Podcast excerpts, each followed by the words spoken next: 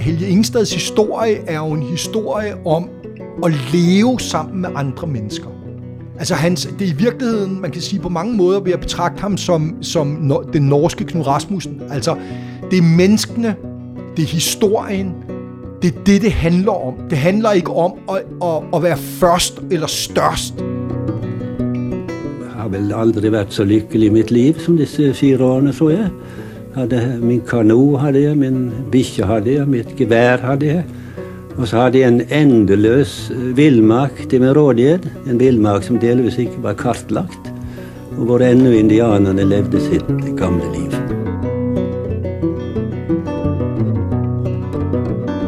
Så må jeg sige personligt, altså hvem der nåede Nordpolen først, eller Sydpolen først, eller krydsede indlandsisen først, det er jo fucking ligegyldigt.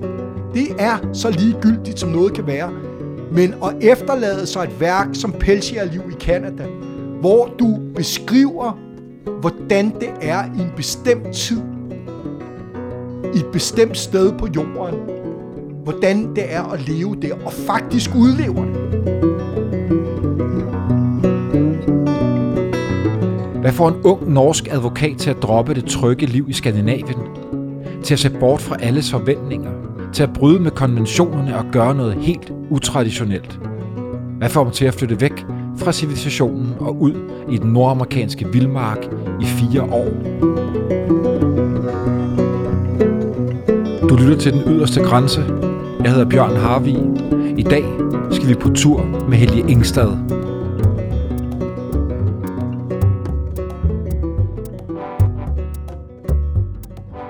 Velkommen til dig, Eske Villerslev. Tak.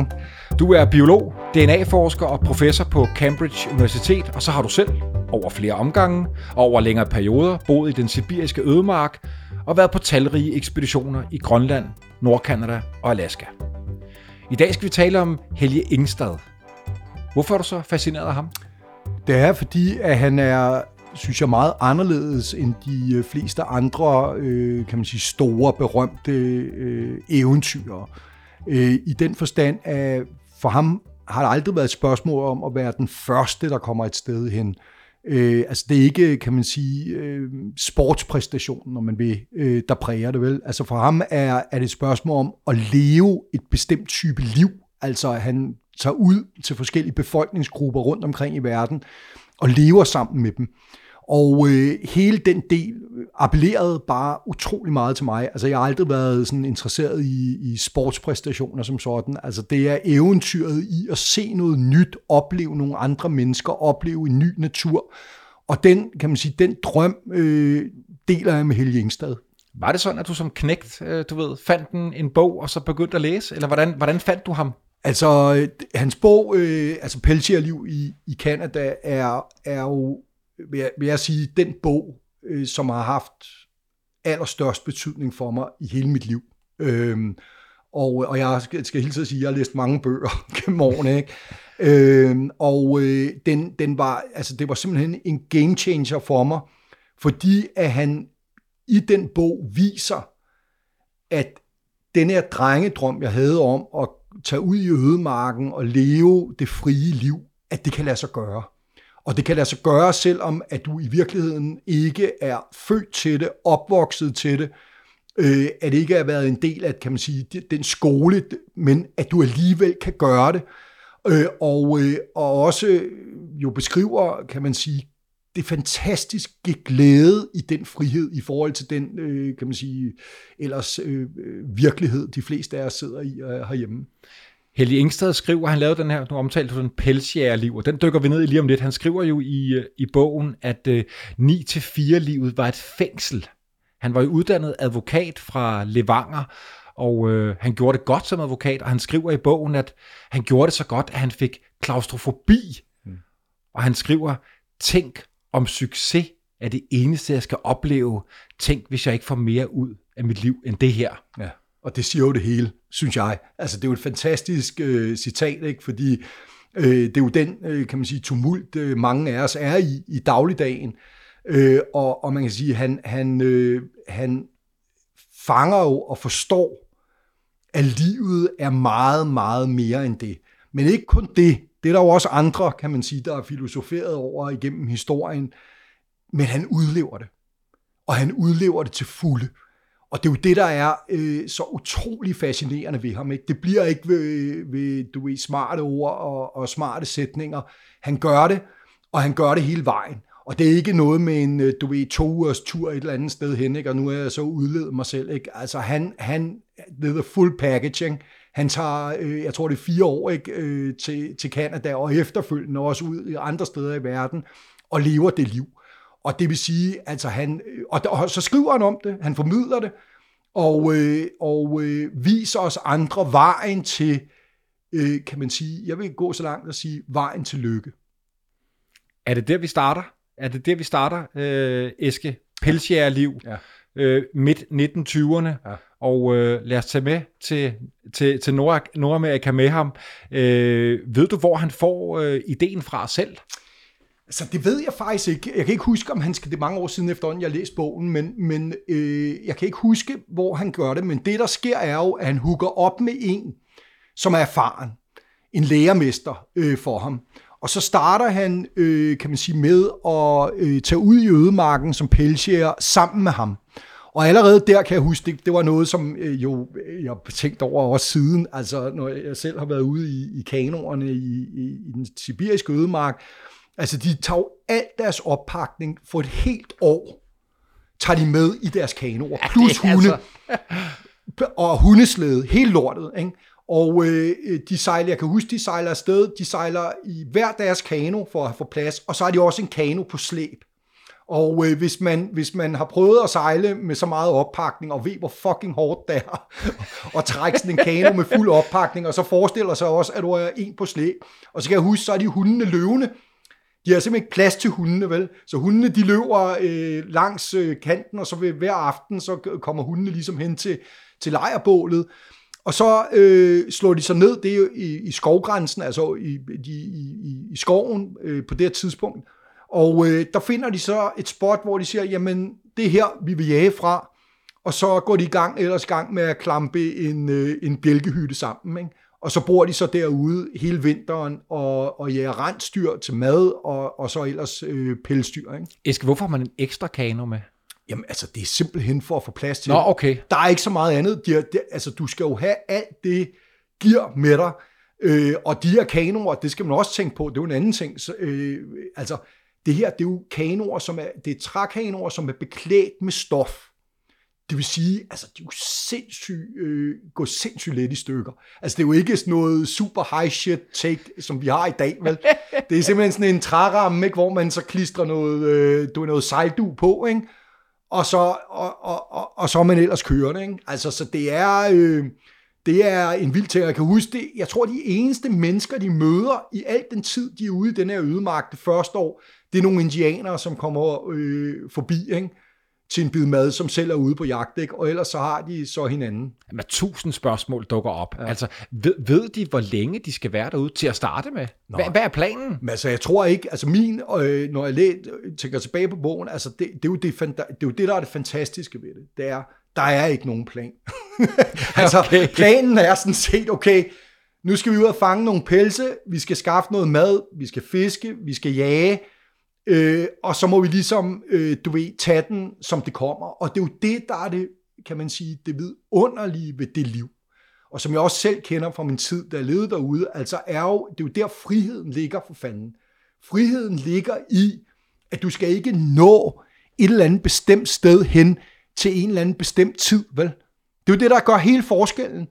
Du har en uendelig ødemark, du kan, du kan jage i, du kan stå op, hvornår du vil, du kan gå i seng, hvornår du vil, du kan gøre, hvad helvede du vil, ikke? og der er ikke noget med, at du skal være et bestemt sted til et bestemt tidspunkt. Der er et eller andet, du skal nå, eller et eller andet. Og det er jo der, kan man sige, i virkeligheden friheden ligger. Og den smittede af.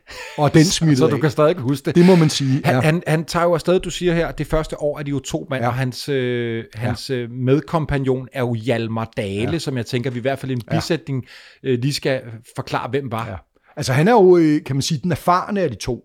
Altså Helge Jengstad er jo ikke øh, på det her tidspunkt, øh, altså, altså han skriver selv, han har været på lidt harejagt i Norge, ikke? gået rundt med en bøsse ikke? og prøvet at skyde nogle harer, ikke? og det er ligesom, og så som du selv sagde, han er advokat, ikke? altså jeg mener, det er jo ikke en mand, som har om, som sådan øh, forudsætningerne for at blive pelsier i Canada. Og, øh, og det er det, som jeg synes er, er en ekstremt vigtig lære, øh, som han giver videre fra den bog, det er, at øh, jamen, øh, øh, lille Jens øh, på Nørrebro, ikke? eller lille Eske fra Gentofte, kan gøre det her. Altså det her er ikke noget, der er, kan man sige, bestemt for nogle specielt hardcore typer, eller øh, du ved, du skal være sådan lidt øh, overlevelsesagtig, eller et eller andet, ikke? med mange, mange års erfaring, for at udleve den her drøm. Han gør det, og han, men det er klart, du behøver en lærermester. Og det er så ham her. Han er den mere, øh, kan man sige, erfarne af de to, ikke? Og, og det var det samme, da jeg selv var i Sibirien, der blev jeg jo lært op øh, som pelsjæger. Jeg kunne sgu heller ingen skid. Altså pis dårlig, jeg blev aldrig specielt god jæger med. Men, øh, men, men, men, men, men det er klart, at du bliver, bliver nødt til at blive lært op af nogen, men det er noget, en hver, kan man sige, kan gøre. De bygger en hytte derude, ja. og, og så vil endnu flere spørgsmål mm. dukke op. Hvordan gør man så det? Jamen altså, du går ud, øh, det gjorde vi også selv, altså man går ud og fælder øh, træer, og så øh, hugger du dem til ude i kanterne, ikke? Det er jo sådan en, øh, hvor du stabler dem op. Det er sådan en bjælkehytte, man laver, ikke? Altså, du, du øh, laver en carving ind i øh, enderne på træet, som så møder hinanden, ikke? Bang!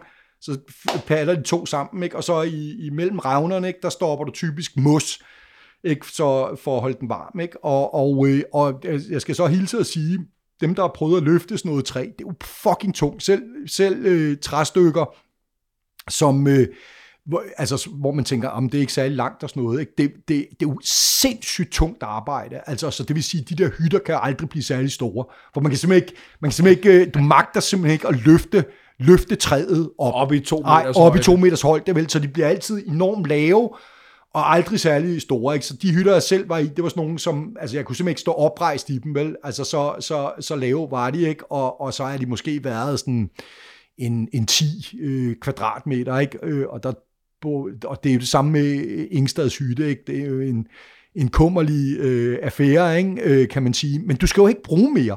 Altså man kan sige, det, det er jo også et spørgsmål om, hytten er et sted, hvor at du overnatter og skal kunne være varm. Det, det er jo det, der er det øh, helt afgørende i de her miljøer, det er, du kommer hjem til et sted, som lynhurtigt kan blive varmt, fordi du går i de her ekstreme kuldegrader om vinteren. Ikke? Vi omtaler ham som pelsjæger. Ja. Er, det, er det meningen, skal han, de skal ud og Ja, de skal og ud og fange pelse. Og hvad, hvad er det for nogle dyr? Jamen, det er ulve, det er ulve, det er ræve, øh, det er, øh, han går også efter bæver øh, øh, derude, ikke? Så det er jo alt det, som folk, øh, kan man sige, øh, øh, bruger til, til alt fra pelshatte til pelsjakker øh, og så videre. Ikke? Hvordan kommer de så af med de skilt igen? Jamen, så, så tager man så ind til de her handelsstationer, og det gør de også. Ikke? Altså, man samler hele året, kan man sige, hele vinteren samler du ind, pelse, øh, som du så spænder ud. Altså du skinner dyrene, ikke? spænder dem ud, øh, og så øh, øh, kan man sige, ved sæsonens slutning, så pakker du dem sammen, og så tager du ind til handelsstationerne og sælger dem. Og det er det, der sådan set giver dig øh, pengene til, at du kan købe noget ny ammunition, nogle nye hunde, hvis det er det, du har brug for, ikke? Nogle nye, øh, en ny økse, et nyt gevær, eller hvad det er, du har brug for, ikke? og så er det ud igen. Når du tænker tilbage på bogen, ja. hvad, er, der nogle, er der nogle nedslag, er der nogle scener i bogen, som, som, som nu, øh, også mange år efter, står stærkere end andre? Ja, altså der er flere scener, øh, som står stærkt. Altså jeg vil sige, en af dem er jo frihedsfølelsen.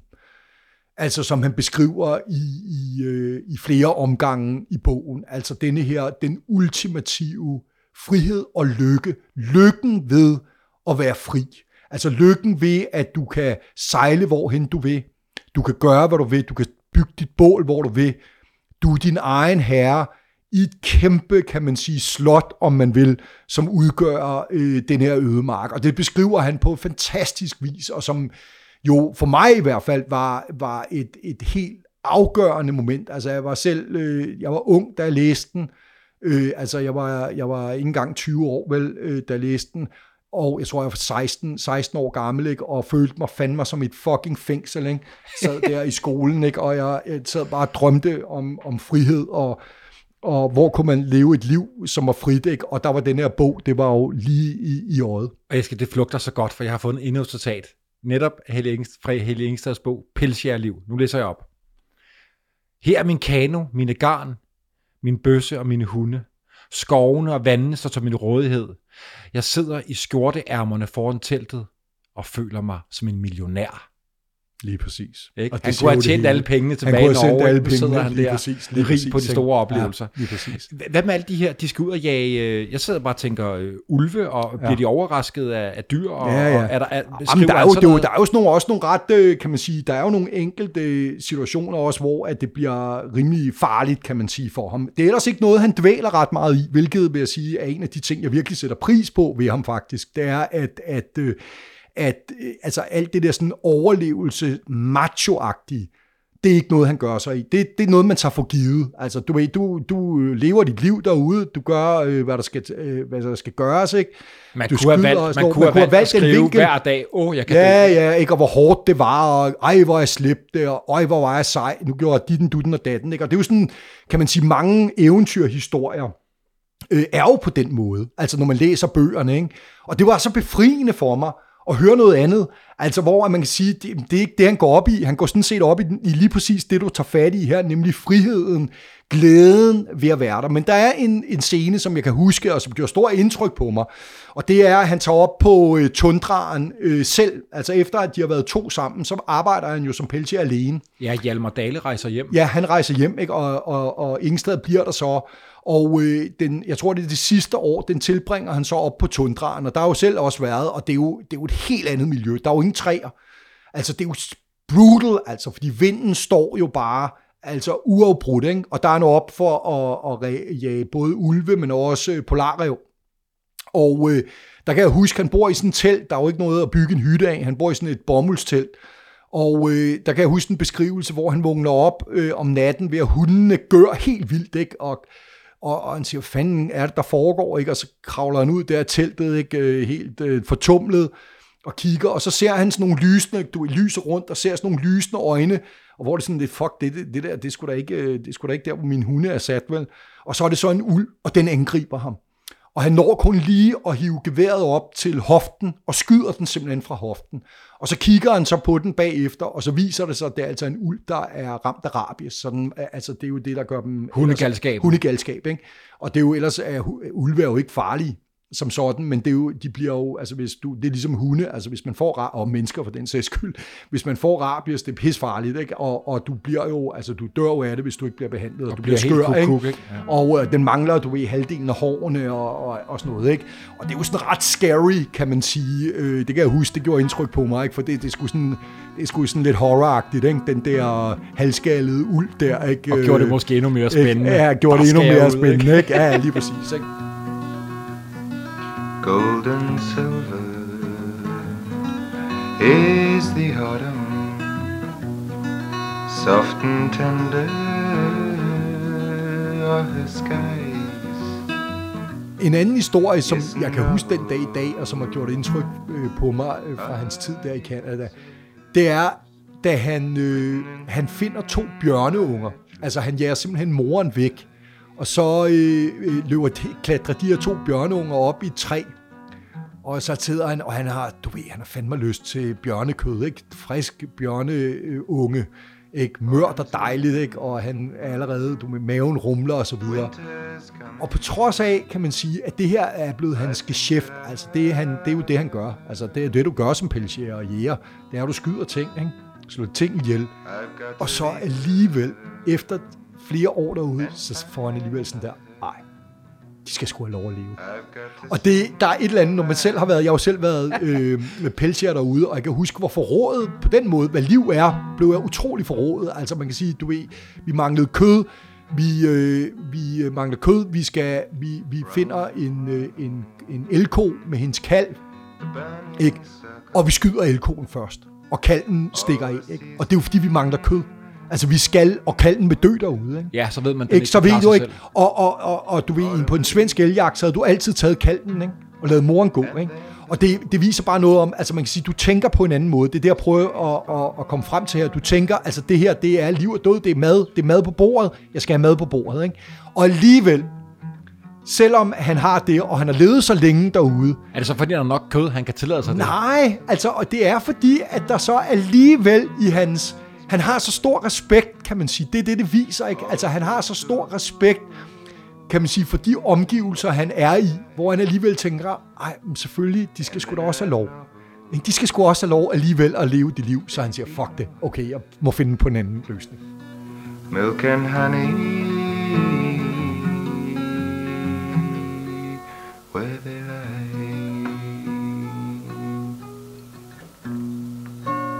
Du siger, han er oppe på tundraen. Det er også noget med, at han, øh, så vidt jeg husker, i bogen møder det de her, den der indianerstamme, ja. der hedder Caribou Ja. Eaters. Ja. Ja. Uh, Caribou, som er, er det nordamerikanske rensdyr. Ja. Hvem er de, de her folk? Jamen altså, det er øh, det, man kalder, øh, det, man kalder Athabaskan øh, speakers. Altså, det, det- det er en, øh, en stor gruppe indianere, øh, som lever i, hovedsageligt lever i det allernordligste øh, Nordamerika, øh, altså Alaska og, og Canada. Og det er faktisk en gruppe indianere, som der har været meget altså videnskabelige diskussioner om, hvem de er, fordi de ser anderledes ud end, end andre indianere i, i Amerika. Og øh, det, som øh, vores forskning med genetik har, har vist, er altså, at, at de her, øh, de her øh, stammer, det er, øh, kan man sige, deres øh, grundkerne, om man vil, kommer fra samme sted som andre indianerstammer, men for øh, omkring en 6-7.000 år siden, altså mange tusind år efter de første mennesker vandrede ind i Amerika, så kommer der faktisk et, et, et puls af noget, noget fra Sibirien igen ind i Nordamerika. Altså der er en ny migration af mennesker, der kommer ind i Nordamerika, og de blander sig op i det nordlige område med de indianer, der allerede er der, og det bliver de her caribou øh, eaters og atabaskan, som vi kalder dem. Og, øh, og øh, de, altså man plejede jo sådan, øh, i de gamle litteratur, så talte, man- talte man jo om den som noget af det mest primitive, man kunne forestille sig. Man sagde sådan, at men de efterlod sig ikke noget arkeologiske efterladenskaber, ikke? fordi de havde kræfter mig ikke en skid, vel? Øh, du ved, ikke? Men i virkeligheden, så det, det viser er jo bare, at de er fuldt tilpasset det miljø, de lever i. Fordi det er et miljø, hvor du hele tiden skal bevæge dig rundt for at komme til vildtet, ikke? og fange det, og man, og man øh, slæber ikke rundt på alt muligt unødvendigt shit, vel? Så det er, øh, og det, da Helge Ingstad kommer derop der i, i 30'erne, er jo, må man sige, i, i Nordamerika er det jo den sidste sted, hvor folk, om man vil, lever et, det vi vil kalde et traditionelt øh, jæger-samlerliv. Og det forstår han om nogen, ja. forestiller jeg mig. Det gør altså han med den nemlig. respekt, han Ja, møder folk meget. med. Lige præcis. Kan du huske, ved vi, hvordan, hvordan får man kontakt til de her folk? Er det nogen, han har handlet med? Ja, eller? altså man møder dem jo, øh, og det tror jeg også, han beskriver i bogen, ikke? Altså, du, han møder dem jo også på, de kommer også ind med pelse, ligesom han selv gør, øh, til de her Hudson Bay øh, spots, altså hvor man kan handle for at købe øh, ammunition og så videre, ikke? og der møder han dem jo, og sådan som jeg husker, at han tilbringer også en, en sæson med dem, altså hvor han så øh, bliver gode venner med dem, og, og, og lever med dem ude i ødemarken. Og det er jo ikke sidste gang, at han gør det. Det er måske faktisk bare starten på en starten. karriere, hvor han kommer ud, fordi vi skal, vi skal jo på tur Lige præcis. flere forskellige steder Ja, med, ja. med Helge Ingstad. Vi skal øh, faktisk videre til næste tur, som er i Arizona, så vidt Ja, jeg husker, ja. Hvor han også kommer ned. Øh, jeg har skrevet et, et stikord her, der hedder Apache-indianer. Ja, det er det kan du rigtigt. måske nuancere Jamen, det er rigtigt. Altså, han, øh, han tager en tur senere, hvor han tager ned til Arizona og det nordlige Mexico, øh, for at finde de her legendariske Apache-indianere. Og det er jo utrolig fascinerende. Jeg kan huske, da jeg læste bogen igen for mange år siden, men hvor han leder efter dem ude i bjergene, og så pludselig, du ved, han kommer på hesteryg eller muldyr, ikke? derud, og så ser han de der sidde på klippen, øh, de der Apache-indianere, ikke? Og, øh, og, det, og det fascinerende, kan jeg huske, det er jo, at øh, dem han møder, er nogle af dem, at dem, der var sammen med Geronimo, altså den her måske en af de mest berømte indianerhøvdinge, vi kender, øh, Apache-indianere, øh, under, kan man sige, hans guerillakrig mod øh, det amerikanske militær i, i slutningen af 1800-tallet. Og øh, han møder kvinder øh, øh de Apache-indianer, som har fået skåret næsen af, ikke, fordi de øh, har været utro mod deres mænd. Ikke? Så det er the real thing. Ikke? Og de her, altså på det tidspunkt, hvor han møder dem, er det jo den sidste rest, om man vil, af, af dem, som virkelig levede, om man vil, altså et liv uden for reservaterne. Altså han møder simpelthen nogle af dem, som, øh, kan man sige, stak af fra reservaterne for at, at bibeholde deres frihed og bekæmpede øh, det amerikanske militær i en guerillakrig oppe i, i, i, i bjergene. Og øh, det er jo en, øh, må man sige, øh, det er jo sådan en legendarisk del af, af indianerkrigene. Altså det er den sidste, det er de sidste øh, indianer, det er Apache-indianerne, som, øh, kan man sige, overgiver sig. Og det er med Geronimo, ikke? Øh, de, øh, de fører en guerillakrig, og den er jo brutal. Altså, den er totalt brutal. Altså, den her, kan man sige, romantiske forestilling, vi har om, hvad, hvad guerillakrig er, hvis man begynder at gå ind i øh, både i, i interviews, med, som er blevet lavet med Geronimo selv, øh, og også med dem, som levede der på det tidspunkt, altså det er jo børn, kvinder, der bliver slået ihjel. Altså, og Geronimo siger selv, du ved, jamen jeg kunne ikke lide, jeg synes også, det var ubehageligt at slå de her børn ihjel, ikke? Men det blev jeg nødt til at gøre, fordi ellers så ville de kunne sige, hvor vi var. Ikke? Og, og, og det fortæller jo, altså jeg vil sige, det fortæller vidderligt, hvad krig er. Altså. Hvem består krigen mod? Hvem, hvem Jamen, er det Geronimo? Det er, Geronimo kæmper på flere fronter. Geronimo, fordi de Apache-indianerne opererer på grænsen mellem Mexico og USA. For dem er der ikke nogen grænse, så en gang imellem er de inde i Mexico, en gang imellem er de inde i USA. Og det starter sådan set med, altså krigen mellem Apache-indianerne starter i en krig mellem med, med, med meksikanske soldater. Og det er jo det, der, kan man sige, former Geronimo, fordi Geronimo er en fredelig mand, der lever med sin øh, kone og sine børn, og en dag, hvor han er ude, mændene er ude og handle i en by, så bliver de angrebet af meksikanske soldater, og de slår alle kvinder og børn ihjel. Og Mexico havde jo, i den her periode, havde de jo, hvor de betalte simpelthen penge for Apache skalpe. Og det Ej. gælder både kvinder og børn, altså og mænd. Så man skalperede dem alle sammen. Han kommer tilbage, han finder sin familie øh, slået ihjel, og han beskriver selv, at det eneste, der opfylder ham i resten af hans liv, er ønsket om hævn. Og der starter altså Geronimos øh, krig mod først, øh, kan man sige, Mexico og de meksikanske soldater, og de bliver jo, de jo øh, folk er jo redselslagende for de her patcher, indianer, som kommer ned. Ikke? Øh, og så bagefter, så kommer øh, øh, det amerikanske militær ind, og så starter han så ellers, øh, øh, ellers krigen øh, med den. Og de får ham fanget ind nogle gange, sendt ham til et reservat, så stikker han af igen med sin, øh, med sin kriger, ikke? Og, de, og, og man sætter jo til sidst sætter man for hele det amerikanske militær ind for at slå den her mand, og man kan simpelthen ikke slå ham. Og det er jo en håndfuld, altså det er en håndfuld krigere, han løber rundt med op i de her bjerge, og de kan simpelthen ikke fange ham. Det er guerillakrig. Det er guerillakrig, og øh, til sidst, så finder man ud af, at den eneste måde at fange en Apache på, det er ved at hyre en anden Apache. Så de får simpelthen overtalt nogle Apache'er til at gå ind og blive spejdere, og det er det, der i sidste stans fører til hans fald. Og det frygtelige er, det er jo den frygtelige historie, øh, for lige at ende den her historie, det er jo så, han overgiver sig til sidst med sine krigere, og så sender det amerikanske militær både ham, hans kriger, men også alle de spejdere, der har arbejdet for det amerikanske militær, bliver sendt til Florida, hvor de dør som fluer af sygdommen. Og, øh, og de var jo blevet lovet noget helt andet. Og de bliver sendt der øh, til, og, og der, der ender Geronimo også, øh, kan man sige, sin dage. Han bliver jo en, øh, kan man sige, han bliver jo en celebrity. Så han laver ret mange penge på, det er derfor, der er så mange billeder af ham. Altså hvis man søger på Google, okay. ikke? Altså det er jo, han tjener simpelthen penge ved at lade sig selv fotografere, ikke? Altså, men han bliver jo alkoholiseret, og altså, det er, øh, altså det er ikke en, jeg vil sige, det er ikke historien om den indianer, altså det er ikke historien om Sitting Bull, vel? Altså Sitting Bull er jo historien om, kan man sige, manden, der samlede sit folk og stod for, kan man sige, værdier og sådan noget. Altså Geronimo, han har, en, han har fået en legacy. Øh, som er den rene hævn. Som den rene hævn, blodtørstig og, og, og, og voldeligt. Eske, vi har lyd på øh, vores kære Helge Ingstad, hvor han sidder hos øh, Ej, indianerne i øh, Arizona, og fortæller om øh, ideen om, hvorfor han skulle ud, og så fortæller han også om, at han møder nogle folk, der kendte Geronimo. De,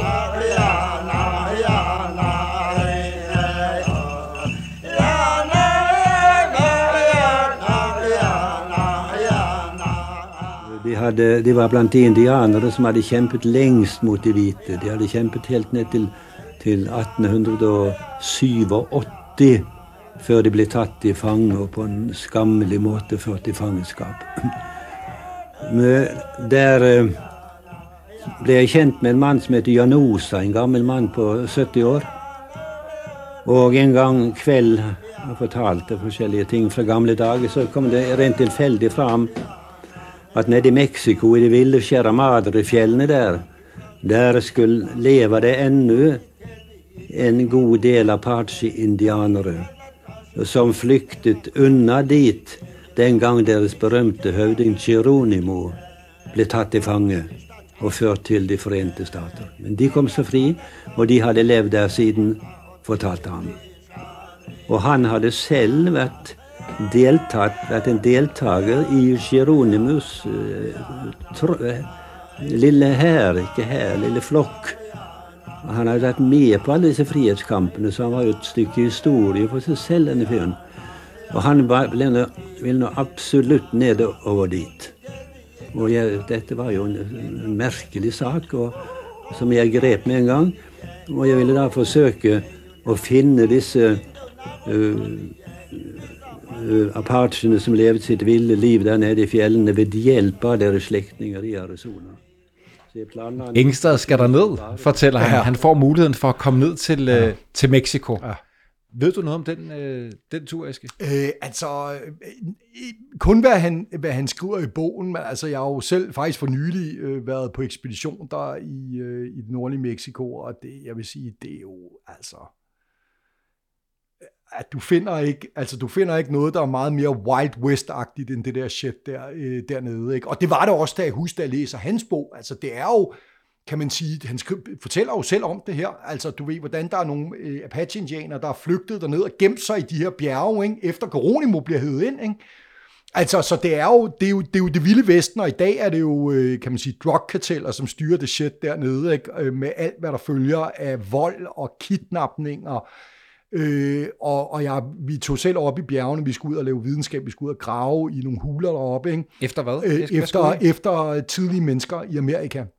Altså, der var en mexikaner, der havde fundet nogle stenredskaber, som øh, han mente måske var altså, over 30.000 år gamle, altså mere dobbelt så gamle, som, hvor man også troede, at der var øh, mennesker i Amerika, og det viste sig også at være rigtigt, så vi skulle ud og lave udgravningen, altså op og grave, ikke? og det er sådan noget med, altså du flyver ind, så bliver vi først ekskuteret af to øh, politibiler med maskingevær på toppen, altså fuldstændig med covered ansigter og hjelmer og hele lortet. Okay. Og over en landsby, de må ikke vide, hvornår vi kommer, således vi ikke kan blive kidnappet. Så leger vi så en masse æsler og muldyr, ikke? ligesom Helge Ingstad gjorde, og så er det okay. ellers op, op i bjergene, ikke? og, og op i de der huler, og jeg lover dig for, at det er totalt ufremkommeligt terræn. Og det er selvfølgelig også derfor, af de her Apache-indianere, det er stedet at søge hen, og det er stedet at køre, øh, føre guerillakrig fra, og de var jo berømte for den her evne, de her Apache-indianere. Altså, jeg mener, der er utrolig lidt vand. Det er et af de store problemer. De finder vand, ikke, hvor de er, og, og der, der er jo de der historier, hvor de bliver jaget af kalveriet, ikke, og skal de forsvinde sådan her. Så bare står de bare, der var en Apache-indianer, lige kom løvende her, ikke, nu, hvor er han? Altså, oh, ikke? Ja. altså de, de helt, og det der er det sjove faktisk er, og det vil jeg lige runde af med i hvert fald, det er, at de her øh, caribou eaters, som vi talte om før, oppe i nordlige Canada, Apache-indianerne og også Athabaskan-indianere. Så det, der var øh, for, øh, man er ikke helt sikker på, hvornår det skete, men måske kort tid før, at de hvide kommer til øh, Amerika, øh, der, øh, altså med spanierne, kan man sige, der er der altså en gruppe, som bevæger sig hele vejen fra Nordkanada, hele vejen ned til det sydlige USA, nordlige Mexico, og det er Navajo, og det er Apache-indianerne. Så de taler samme sprog, og Apache, i, i Apache-indianernes øh, overleveringer taler de selv om, at vi kom fra nord, hvor der altid var koldt, og du ved, der var skov wow. og så videre.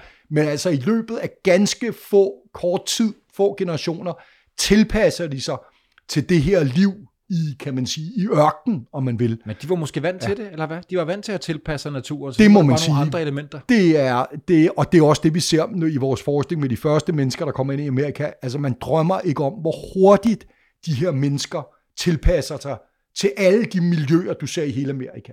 Altså, så ideen om, det er sådan nogle tumper, der kommer ind, du ved, og så bliver vi et sted ind, så der ikke er mere mad, og så må vi videre.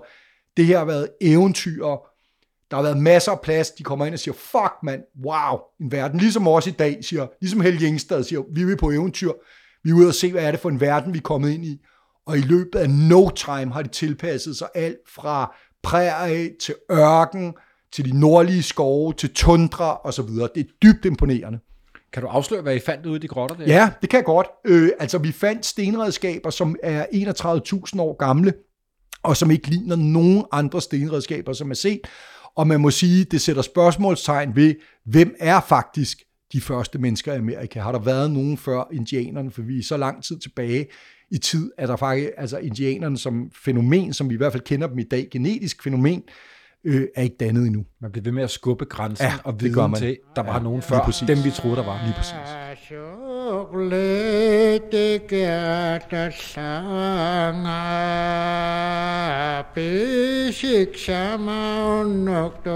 Øh, Eske, vi skal, øh, vi skal videre, for der har jo flere Ja, ja. spændende møder med Ja. spændende mennesker, som Ja. ja. Ingstad tager os med ud til.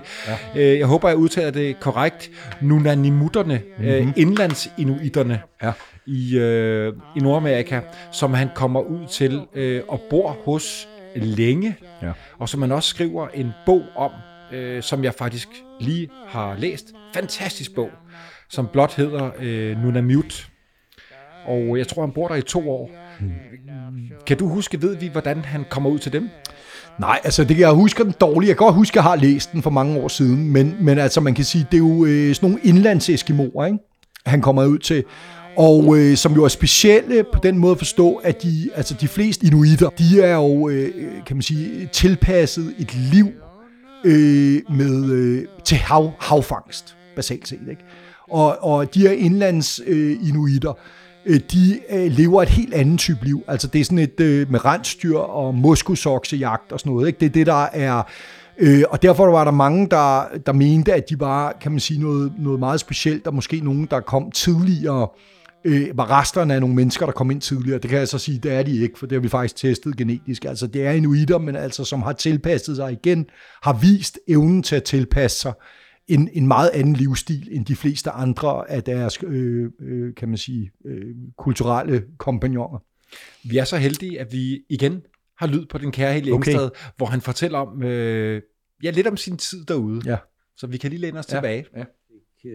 høre ved tilfelle om at det skulle leva leve eskimoer som var veldig lite kjent inne i en svær fjellkjede som ett Bruks Range, som strakte sig cirka 800 km tvärs over den nordlige delen av Alaska. De levde av villren, så dette var jo det var jo liksom på hjemmebane. Det var det jeg hadde levd av i Canada, så det, appellerte veldig til meg. Og, og så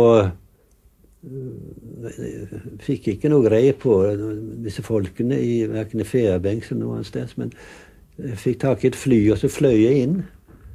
Og så landet jeg på et vann i nærheten av boplassen deres, midt inne i fjellene. Og, og så fløy jeg flyet, og, så, og der var jeg da. Og da ble jeg da kjent etter hvert med disse, og, og levde et år sammen med dem. Og det var jo en eh, fin tid. Det var Sådan en fantastisk ja. fin og afslappet måde at forklare ja, tingene på. Øhm, og jeg har faktisk også et lille citat, jeg vil ja. Læse op for dig, ja. Eske. Og jeg vil bare sige, jeg synes jo, det er så fint, fordi han har så stor respekt for de her folk, han bor hos. Men det lader også til, at den er gengældt. Øh, nu når muterne øh, opkalder en flod efter ham. Øh, et bjerg i Brooks Range bliver også opkaldt efter ham, så den må ligesom have, have gået igen. Den ja. Her, de mindes mange år efter, ja. stadig i dag, den tid, hvor han, han boede hos dem, den her øh, hvide mand. Øhm, det er sådan, at nu har vi jo hørt Helge Ingstad flere gange, og han er jo en afdæmpet mand. Du sagde også selv, at pelsjærliv, der skruer han ned for alt det her drama. Han bor i denne her øh, nomadelejr med de her folk, og de er jo ramt af hård sult, formentlig ja. meget værre, end han egentlig ja. beskriver i bogen. Ja. Vildrenerne er ikke kommet den vej, mm. som de har håbet på, mm. og de ligger altså på dødens rand. Mm. Og så går han på jagt med... Øh, med, den, øh, med hans lærermester, eller hans øh, tætte øh, ven, som hedder øh, Paneak. Og øh, jeg skal lige læse op, for det er simpelthen så fint, ja. det her. Ja. De har på en fjeldtop set, at der går et par får, og så skal de derud. Men hvordan i alverden skal vi bære os ad med at snige os ind på dem? skriver Hellingstad. Terrænet op ad de bratte bakker har så godt som ingen skjulesteder. Væderen står på vagt, og det er en fyr, som har skarpe øjne, skarpere øjne end vildrenen. I samme øjeblik får den øje på os. Hvis den gør det altså, vil dyrene flygte. Og så øh, skriver han, at det hele ser håbløst ud, men senere. Panerik stiger et godt stykke tid opad, og så lægger han sig uden et ord ned på jorden. Kort tid efter sover han små snork stiger til værs. Hans evne til at slappe af har jeg aldrig truffet magen til. Han kan lægge sig ned og sove når som helst og hvor som helst, når det passer ham, selv i sneen. Det er sandelig ikke noget indbydende leje, det her, på den gennemgåede skråning. Koldt er det også. Men det synes jeg ikke at genere ham. Jeg sidder og lurer lidt, og så giver jeg mig til at plukke tyttebær og blåbær rundt om på skråningen, mens jeg stadig holder øje med forne deroppe. Lige med et begynder vædderen, der har stået stille lang tid at røre på sig. Og men sanden, om den ikke giver sig på vej ned til os. Det vi havde håbet på. Jeg behøver ikke at vække. Panerak pludselig holder han op med at snorke og sætter sig lysvågen op. Det er som om, han har holdt øje med vildtet i søvne. ja, det er fedt. Måske også lige for lytteren, skal man sige, at gå ikke, altså, det er jo ikke tamfor, det her. Det er vilde ikke? Øh, for der oppe i bjergene der, som de går efter. Ikke? Ja. Han, øh, han, han samler jo musik derude. Jeg skal han indspiller mm. faktisk utrolig meget øh, af deres, ja. jeg tror, det er det primært strubesang. Mm. Og den kære øh, lydmand Bjørn og jeg har let og let og let efter det her musik. Vi ved, det findes. Mm. Vi har bare ikke kunne få fat i det. Så det oh, må ligge derude som ja, sådan ja, ja, ja. skal vi have fat i en dag. øhm, fortæl om de her øh, indlandsinuiter, ja, Eske. Ja, Hvad... ja. Altså, øh, man kan sige, at, at øh, øh, de her områder oppe i det nordlige Alaska, øh, nordlige Kanada, altså den arktiske del, om man vil, øh, er jo noget, der faktisk bliver befolket relativt sent. Altså det bliver øh, for omkring en 5-6.000 år siden, som øh, altså det er jo øh, mange, mange tusinder år efter indianernes forfædre er kommet ind i Amerika. Øh, og der, øh, der har været meget stor diskussion om, altså hvem er de her mennesker, der kommer ind først, og hvad er deres relation til de folk, vi kender i dag, altså indland, som du nævner selv, indlandsinuiter og inuiter andre steder. Og det, det sådan set viser sig, øh, når man laver genetik på de her gamle skeletter, det er, at de første mennesker, som vi finder i de her områder, som lever lige som indlandsinuiterne, altså de lever af rensdyr og moskusokser, det er nogle helt andre mennesker. Det er nogen, som slet ikke er beslægtet, altså det er ikke forfædrene til nutidens inuiter.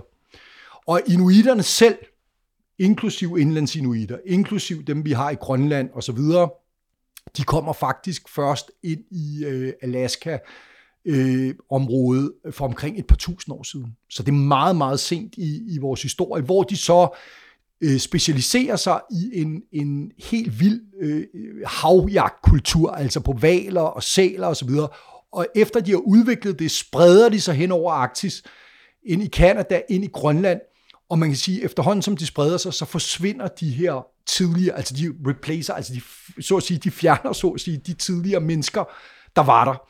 Øh, og der Fordi var, de er mere ja, de er, mere, de er simpelthen mere avanceret, altså kulturelt avanceret, altså de er dybt specialiseret. Når man ser, selv jeg, som ikke, jeg er jo genetiker, men altså selv når jeg ser redskaberne fra de her første mennesker, og så inuiterne, så er det som at tage øh, Nansens øh, udstyr versus øh, øh, Gore-Tex era, ikke? Altså, det er super øh, high-tech, let, vildt godt udformet og så videre, mens de der paleoinuiter, som vi kalder dem, har sådan nogle tunge, store spyd, ikke? Der er ikke sådan noget meget, øh, der er ikke noget meget specialiseret over, så de, de ryger ud. Og så var der mange, før vi lavede genetikken, som troede, at de her indlandsinuiter, fordi de netop levede en livsstil, som er så forskellig fra det der med havet, at det var sådan nogle rester efter de her oprindelige, altså de første mennesker. Det samme på Østgrønland, du ved, hvor at der var mennesker, og hvor man sagde, ah, men gud ved, om det ikke kan være nogle rester efter nogen. De så anderledes ud, end dem, vi har på Vestgrønland. Men alle dem, vi har testet dem alle sammen, genetisk, de er alle sammen inuitter. Altså, og de her første mennesker, de er simpelthen øh, forsvundet. Øh, der er ikke øh, nogen af dem. Så de her er beslægtet, meget nært beslægtet med nutidige grønlænder og andre inuiter rundt omkring. Og jeg tror, det flugter godt med den sidste rejse, vi yes. skal ud på sammen med, med Helge, ja. fordi vi skal på jagt efter Vinland. Yes. Yes. Hvad er det for noget? Ja, men det, det er en fantastisk øh, historie, og det er jo, hvor man kan sige, at han går ind på, om man vil, på det videnskabelige domæne i virkeligheden. Altså hvor at, af hans tidligere bøger her, jo, man kan kalde dem etnografiske øh, værker, det vil jeg sige, det synes jeg, det er. Men, men her går han ind, kan man sige, virkelig, og, og, og man vil konkurrere med videns, andre videnskabsfolk. Og det er spørgsmålet om, var der, kom vikingerne til Amerika. Nåede vikingerne Amerika.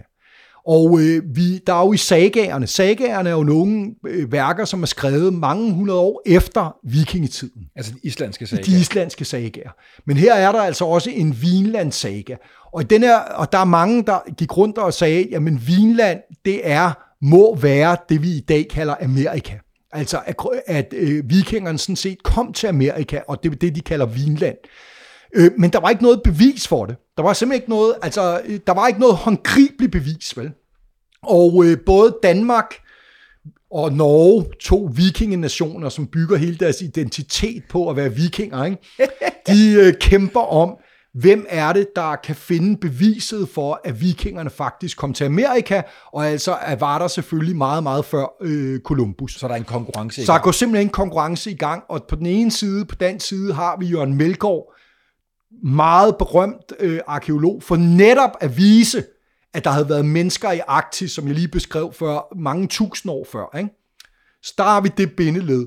Så han bliver sendt ud, kan man sige, fra dansk side for at bevise det her, og på norsk side har vi Helge Ingstad, øh, som bliver sendt ud. Ikke? Og øh, han skriver den her bog om det, Helge Ingstad, ikke? som er en fantastisk... Altså, jeg må indrømme, jeg virkelig nyder den bog. Altså, jeg synes, den er fantastisk. Og det er den på mange måder, fordi der er det her konkurrenceforløb, men hvordan griber han det an? Hvordan fanden griber du det her an? Du skal finde beviset på, at der er vikinger, ikke? Og, og, og de mener, at det må være Newfoundland og, og øh, Labrador, det må være de steder, men det giver jo ikke mening med vin. Vin, der skal da ikke en fucking vin op på Labrador, vel? ikke? Og så går og så rigtig Helge Ingstad-agtigt, ikke? så går han ellers i gang med at interviewe indianer og inuitstammer. Det er hans approach, ikke? Ude at interviewe folk, ikke? er der historier, mundtlige historier, og det er jo hans styrke. Det er jo det, han har gjort. Altså mundtlige historier om, at der har været Ja, andre om mennesker der har været mennesker, ikke? der tidligere, hvor skal jeg lede? Altså, han benytter sig af lokalbefolkningen, ikke? Og det er, jo, øh, altså, det, er jo, det er jo super smart, og han har de her beskrivelser, det er så fantastisk i bogen. Jeg kan virkelig anbefale den. Altså, hvor han har udplukket fra sagaerne, fra Vinland-sagaen. Og det er jo, altså, det er jo som en fucking Hollywood-film. Altså, de der vikinger, der er ikke en viking, der kan dø, uden at sige nogle bevingede ord, som er, du ved, sådan noget, hvor man tænker, åh, oh, wow, giv Det er jeg kunne finde er på et macho, eller andet det er macho, macho ikke? Det er så macho, og de møder de her skrællinge, vikingen kalder, kalder dem skrælling, ikke? Slaverne. Og det, og det er jo, jamen det er jo øh, indianer og, og, og, hvad hedder det, inuitter, ikke? Som, som, og de kalder dem skrælling, ikke? De, de synes ikke, de er en kæft værd, vel? Det er sådan nogle små mennesker, som ikke er mandige på samme måde som dem selv, ikke? Og der er selv historisk noget med, at du ved, de bliver forfulgt af de her skrælling, de løber afsted, der er sådan en gravid vikingekvinde, hun kan ikke følge med, vel, fordi hun har den her tunge mave, og hvad gør hun så? Jamen, hun flår selvfølgelig hele blusen op, viser sin barm, ikke? tager et svær og leger, lige nakker nogle af dem, ikke? ikke? og så bliver de helt skræmte og løber væk. Ikke? Altså, det er virkelig stor historie, ligesom en, en viking, der får en pil i, i sig, ikke? og så når han lige siger sådan noget, ikke? Ja, jeg dør med ære, ikke? og med mod og sådan noget, ikke? Bang, ikke? Falder om, ikke? Det er sådan nogle historier hele vejen igennem, og det er helt fantastisk. Og det, Helge Ingstad vinder så denne her kamp. Så Norge løber med æren. Altså, han finder simpelthen kan man sige, de rester, arkeologiske rester, fra, de, øh, fra hvor de vikingehusene var. Ikke? Og det er det, der bliver det første og sikre bevis på vi, øh, vikingernes tilstedeværelse i Nordamerika. Det er uomtvisteligt. Og jeg tænkte jo, fuck mand, super cool, ikke? Min held, Helge Ingstad, vinder det her kapløb, ikke? Og så, bliver, er der, og, og så er der et twist. så er der så et twist på den historie, fordi så bliver gode venner med Jørgen Melgaards søn, Morten Melgaard, som så kan fortælle mig en noget anden version af den her historie. Han var, Melgaard tabte jo, altså slaget, om man vil, ikke? Og historien går noget i retning af, at, øh, at det faktisk er Jørgen Melgaard, der finder de her rester. Øh, men så skal han lige noget i øh, Danmark, så han må afsted, ikke? og Helge Ingstad løber rundt der og interviewer folk, og så briber Helge Ingstad så Jørgen Melgaards tolk til at vise ham, hvad Jørgen har fundet. Nej, nej, og så nej. mens Jørgen er i Danmark, så placerer Helge Ingstad det norske flag. Bang! Det var mig, der gjorde det. Og der gik selvfølgelig lidt af min, øh, den romantiske, på den anden side må man sige, det er jo en mand, der udnytter mulighederne. Det jo, må det- man sige. Ikke? Eske, vi skal, vi skal, vi skal sådan snart øh, runde af, og hvordan ja. gør vi det med en mand, der har oplevet så meget? Fordi mm. hans liv er jo langt fra overstået. Han lander ja. på Grønland. Øh, Nej, Svalbard, ikke? Er det Svalbard? Ja, jeg tror, er det? Jo, det er Ja. undskyld, du har Ja. ret. Sva- Svalbard, øh, efter at danskerne Ja, får ja. øh, anerkendt øh, retten til, Ja. til Grønland. Øhm, hvorfor er han ikke mere kendt i dag? Hvorfor, ja. hvorfor er der... Ja, altså det, det er jo øh, ret slående, vil jeg sige. Altså hvis man, i hvert fald, jeg besøgte Kontiki-museet for en del år tilbage i, i Oslo, og øh, der er jo et kæmpe, kan man sige, udstilling af Kontiki og Heyerdahl, ikke? Øh, som øh, tog Heyerdahl som den store norske helt. Og så er der sådan, var der i hvert fald dengang sådan en lille sidegeschæft i, i det der museum, hvor der så var lidt om Helge Ingstad, ikke? Og øh, jeg tror, det har noget at gøre med, at, at Helge Ingstad gik aldrig op i at være den første. Altså det, man kan sige, Helge, Helge Ingstads historie er jo en historie om at leve sammen med andre mennesker. Altså hans, det er i virkeligheden, man kan sige på mange måder, vil jeg betragte ham som, som no, den norske Knud Rasmussen. Altså det er menneskene, det er historien, det er det, det handler om. Det handler ikke om at, at, at være først eller størst. Øh, og det er klart, at, øh, altså, at, at det, det der med at være størst og først, det er, sådan noget, det er sådan noget, der er meget let historie at sælge. Men hvis du kigger på vigtigheden, vigtigheden, hvad er, deres, hvad er det, de har efterladt sig? Hvad er det, de har haft af betydning? Så må jeg sige personligt, altså hvem der nåede Nordpolen først, eller Sydpolen først, eller krydsede indlandsisen først, det er jo fucking ligegyldigt. Det er så ligegyldigt, som noget kan være. Men at efterlade sig et værk som Pelsjærliv i Kanada, hvor du beskriver, hvordan det er i en bestemt tid, i et bestemt sted på jorden, hvordan det er at leve der, og faktisk udlever det. Det er jo ikke en fucking Jack London, vel, som sætter sig en bjælkehyppe op i Dawson, ikke? og så det, det, digter røverhistorier op. Ikke? Ikke? Den mand, han lever det liv, og han lever det til fulde. Ikke? Og det er jo et, kan man sige, det er jo et efterladenskab og et eftermæle, som jeg jo synes er meget, meget mere værdifuld end de her først øh, og størst. Men det er klart, at i den verden, vi lever i, hvor at det er hurtige historier, det her er jo ikke en historie, du fortæller hurtigt. Vel, det er jo ikke en historie om, hvordan var det at leve som pelsjer. Det er ikke en, du kan lave som en, en headliner, øh, du er ude i medierne. Man kan sige, at man kom først til Nordpolen, bang. Så er det det, ikke? Men vigtigheden af det, synes jeg er meget større, og jeg ved, at han har jo inspireret en masse mennesker, inklusiv mig selv. Altså hele min, øh, hele min karriere, både som eventyr og sidenhen som forsker, den kan jeg takke Helge Ingstad for. Og det er sgu, hvis der er flere af mig derude, og det er jeg sikker på, der er, som har det på samme måde, så må man sige, så man kraft om at gjort en forskel. Bedre kunne vi ikke slå det af. Eske, tusind tak. Selv tak.